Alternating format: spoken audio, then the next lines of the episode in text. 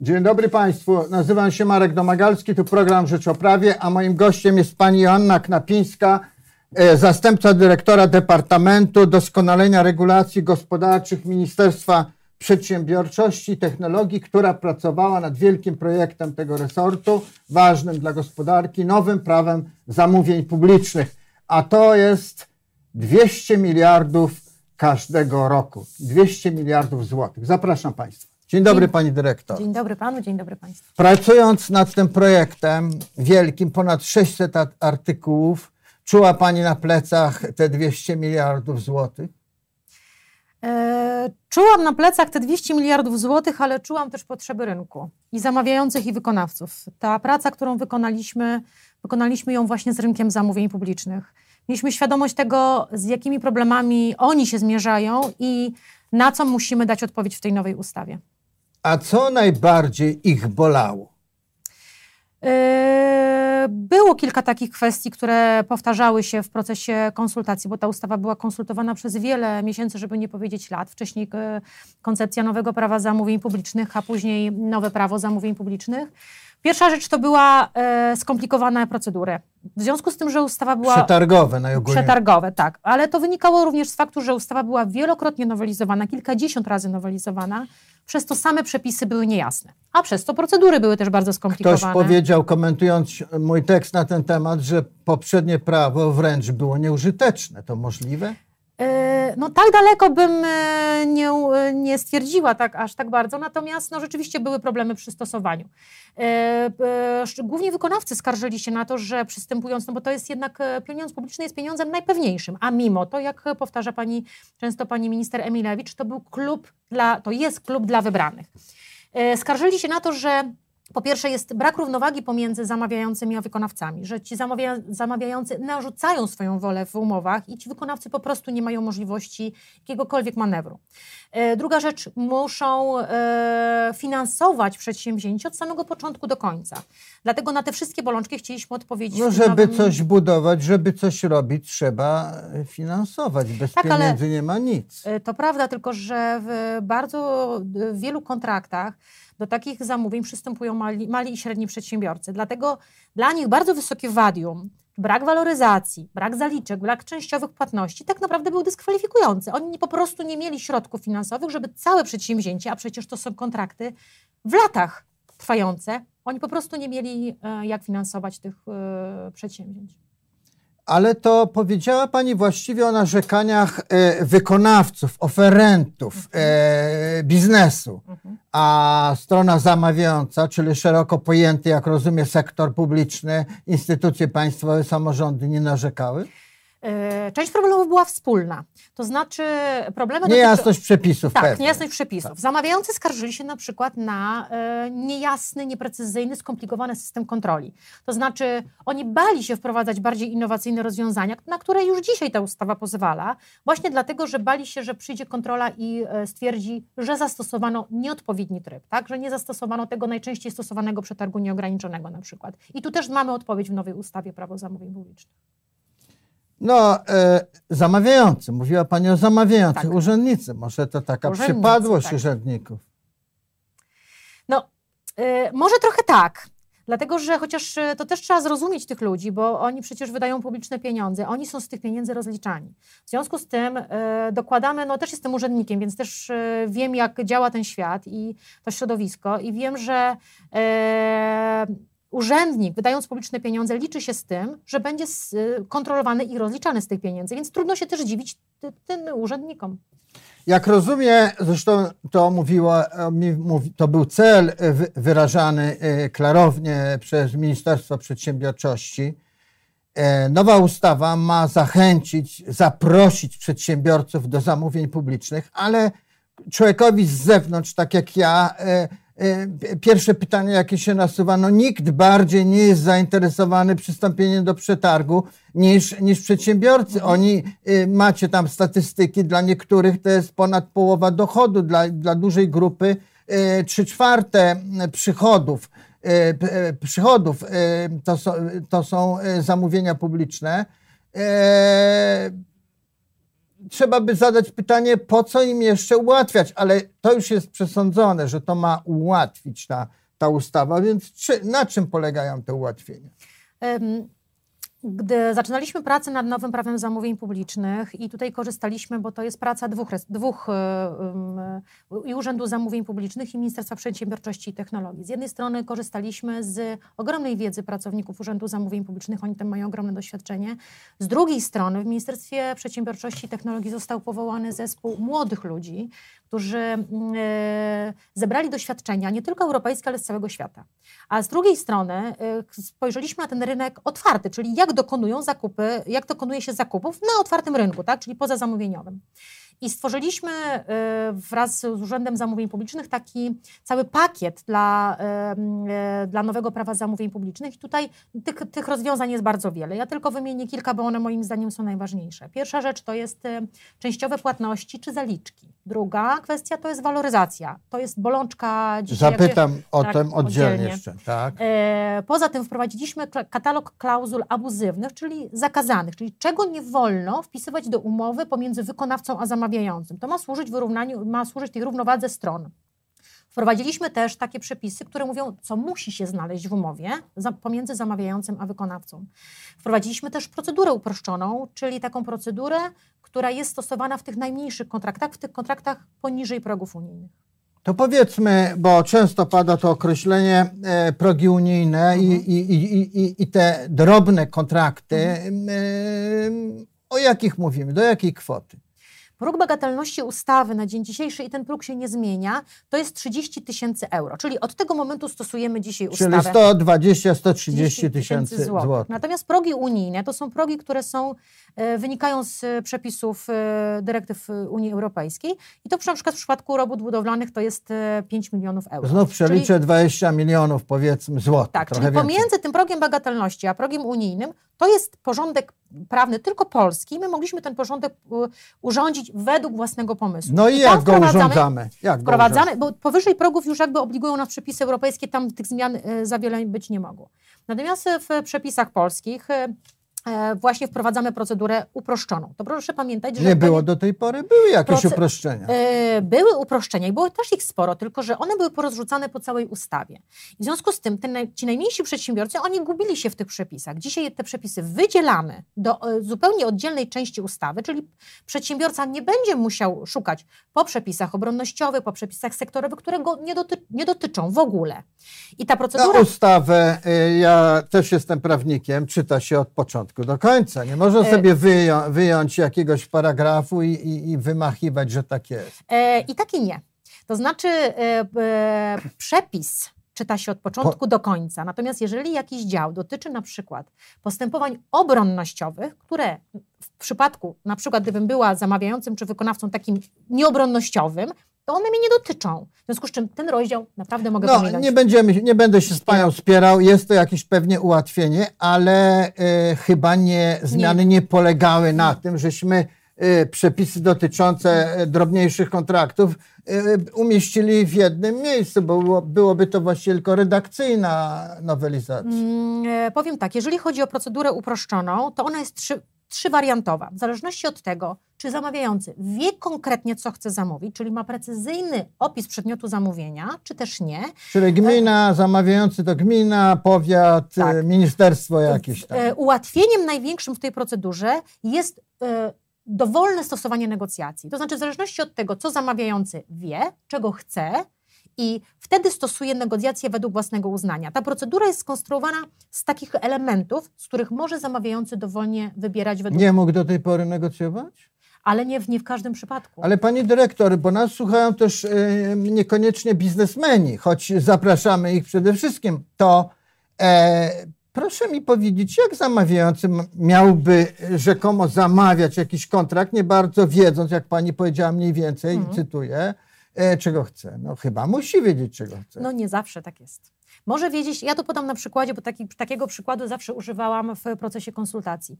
Zamawiający może wiedzieć w urzędzie, że w gminie, w, w ministerstwie, że e, jest bardzo wysoka temperatura na zewnątrz i że musi obniżyć tą temperaturę. Natomiast nie ma w ogóle mm, mm, pojęcia o tym, jak tą temperaturę obniżyć, czyli jakie urządzenia chce zamówić do tego, do, do tego rodzaju pomieszczeń. Dlatego nie zawsze ten opis przedmiotu zamówienia będzie precyzyjny. Czyli zamawia, zamawia obniżenie temperatury No w powietrza dużym w, w, uproszczeniu. urzędzie, w urzędzie gminy. W dużym uproszczeniu tak.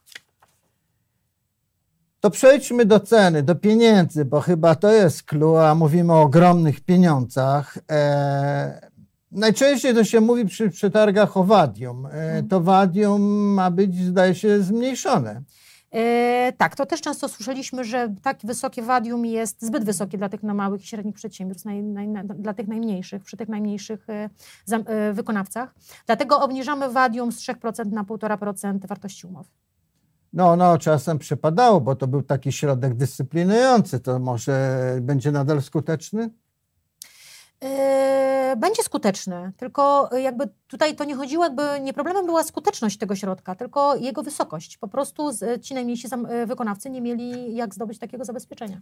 No i waloryzacja. Okazuje się, że można sobie wygrać przetarg tam o 100 milionów złotych, a potem powiedzieć, y, y, przepraszam, ale to wszystko kosztowało mnie 120 albo 150 y, milionów złotych. Y, Zresztą ma na dodatek działać w drugą stronę. Jak to w praktyce y, ma działać, pani dyrektor? No powiem szczerze, że jeżeli chodzi o waloryzację, to był jeden z poważniejszych problemów, przed jakim stanęliśmy e, przygotowując tą ustawę. Już dzisiaj jest problem z waloryzacją. ale chyba nie, nie jest to polski wyłącznie wynalazek.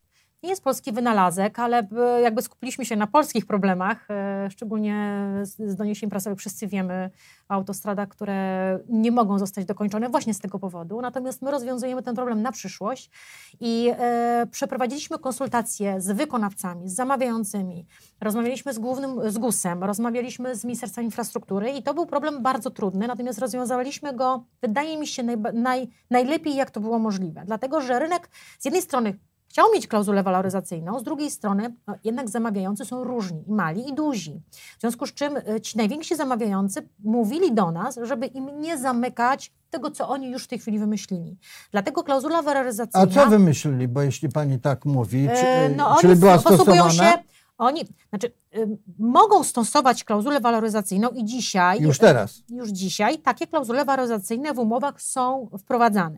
I e, dzisiaj ci najwięksi zamawiający stosują tak zwany koszyk zamówień, tak? czyli te produkty wkładają do koszyka w takim obrazowym e, względzie, wkładają do koszyka i pokazują, e, że, e, że te, jeżeli cena wzrośnie tych produktów, to wtedy umowa będzie mogła Ale nie jednego, nie cementu na przykład, tylko i cementu, i piachu, i kosztów pracy, desek, transportu i W zależności, co jest istotne przy danym zamówieniu. I my wprowadzamy em, wariantowość te- tej klauzuli waloryzacyjnej. Ona po pierwsze będzie obowiązkowa przy kontraktach powyżej 12 miesięcy, natomiast zamawiający A będzie mógł kwoty? Powiedziała pani 12 miesięcy, miesięcy. E, czyli na dłuższe kontrakty. Na dłuższe kontrakty, tak, na dłuższe kontrakty i ona będzie dwuwariantowa. Jeżeli e, zamawiający będzie potrafił zrobić sobie właśnie taki koszyk zamówień i waloryzować czyli, poszczególne czyli produkty, jednak koszyk. największy- Czyli jednak koszyk. będzie mógł nie sobie- wystarczy, że cement zdrożeje, albo Koszyk, koszty tak. pracownika. Natomiast ci mniejsi zamawiający będą mogli posiłkować się wskaźnikiem kusowskim, no, który wszyscy wiemy, że ten wskaźnik nie jest adekwatny tak w 100% do tego, co dzieje się aktualnie na bieżąco na rynku. I rozumiem, że waloryza- na waloryzację będzie się mógł powoływać, obydwie strony będą się e, Tak. mogły powoływać w zależności, czy ceny, czy koszyk z, e, Ceny e, wzrosną czy zdrożeje. spadną. czy- tak, czy- to jest czy- ryzyko, ryzyko jest po obu stronach, tak, i po stronie zamawiających i wykonawców. Ceny mogą zarówno wzrosnąć, jak i spaść. I my to przewidujemy w swojej waloryzacji.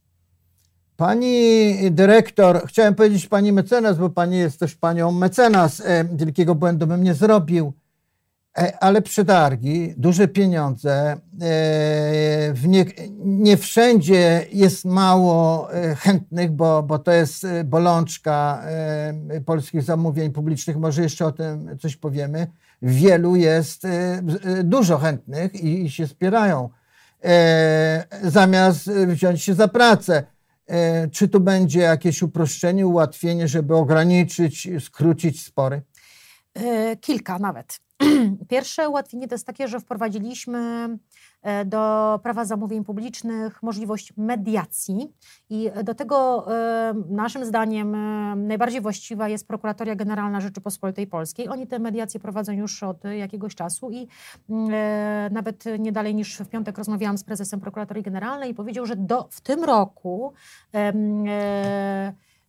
roszczenia, które e, były przedmiotem ugód tylko w tym roku, to jest kwota 1,5 miliarda złotych. Na tyle były roszczenia tylko w tym roku, a mamy dopiero wrzesień. W związku z czym to jest e, ogromne pole do tego, żeby te spory, które rozpoczęły się pomiędzy zamawia zamawiającymi i wykonawcami, nie trafiały do sądu, tylko były tam, gdzie to jest możliwe, bo nie zawsze strony chcą dojść do porozumienia. No, do mediacji do trzeba mediacji, dwóch, tak. dwóch stron. Tak. Więc liczymy na Choć to, że był częściej... pomysł, zdaje się, przymusowej e, mediacji. Był, był. Znaczy, ja nie ukrywam, że e, pomysł mediacji narodził się dużo, dużo wcześniej i on ewaluował. E, mieliśmy, rzeczywiście był pomysł, żeby do tej, do tej koncyliacji przystępował, przy, był obligatoryjne przystępowanie do koncyliacji, ale tu też na, na prośbę rynku zamówień publicznych stwierdziliśmy, że jednak to powinien być fakultet, bo to jednak są dwie zwaśnione strony i one powinny chcieć przystąpić do mediacji, bo nawet jeżeli wprowadzilibyśmy mm, oblig, to tam, gdzie nie ma chęci e, dojścia do porozumienia, to i oblig by nie pomógł. Prawo zna przymusowe takie quasi próby ugodowe, ale, ale zostawmy to na boku. Eee, jest jeszcze Urząd Zamówień Publicznych. Mhm. W ogóle nie wspomnieliśmy e, o nim, a to ogromny sektor publiczny, y, wielkie pieniądze, o tym już wspomnieliśmy, ponad 200 miliardów złotych każdego roku wydatkujemy. Czy kompetencje, znaczy inaczej postawię, mu, mu, zapewniało ministerstwo, że wzrosną kompetencje y, prezesa Urzędu Zamówień, żeby jakby porządkować czy, czy nadzorować, żeby ten rynek działał poprawnie. Y, co tu się zmieni? Znaczy już dzisiaj e, prezes Urzędu Zamówień Publicznych posiada dość duże kompetencje, jeżeli chodzi o kontrolę e, i wspomaganie tego rynku zamówień publicznych. Natomiast od samego początku dążyliśmy do tego, żeby wzmocnić urząd, ale w zakresie dobrych praktyk będzie stworzona specjalna infolinia do tego, żeby wspierać zamawiających. To będą takie miękkie kompetencje do tego, żeby tłumaczyć, wyjaśniać, interpretować prawo zamówień publicznych i wspierać tych zamawiających. Będą wzorcowe umowy tworzone właśnie po to, żeby e, zamawiający i wykonawcy wiedzieli, jak stosować stosować to nowe prawo zamówień publicznych i nawet na to zostały przeznaczone pieniądze w postaci nowych etatów dla Urzędu Zamówień Publicznych. Wspomniała Pani między innymi jakby o wzorcach umowy. Jak rozumiem, to jest raczej ukłon w stronę mniejszych firm, bo wielkie koncerny, które budują 100 kilometrów autostrady, e, czy, czy, czy jakiś port, to mają e, dziesiątki prawników i sobie znajdą te wzorce i wszystko sobie znajdą.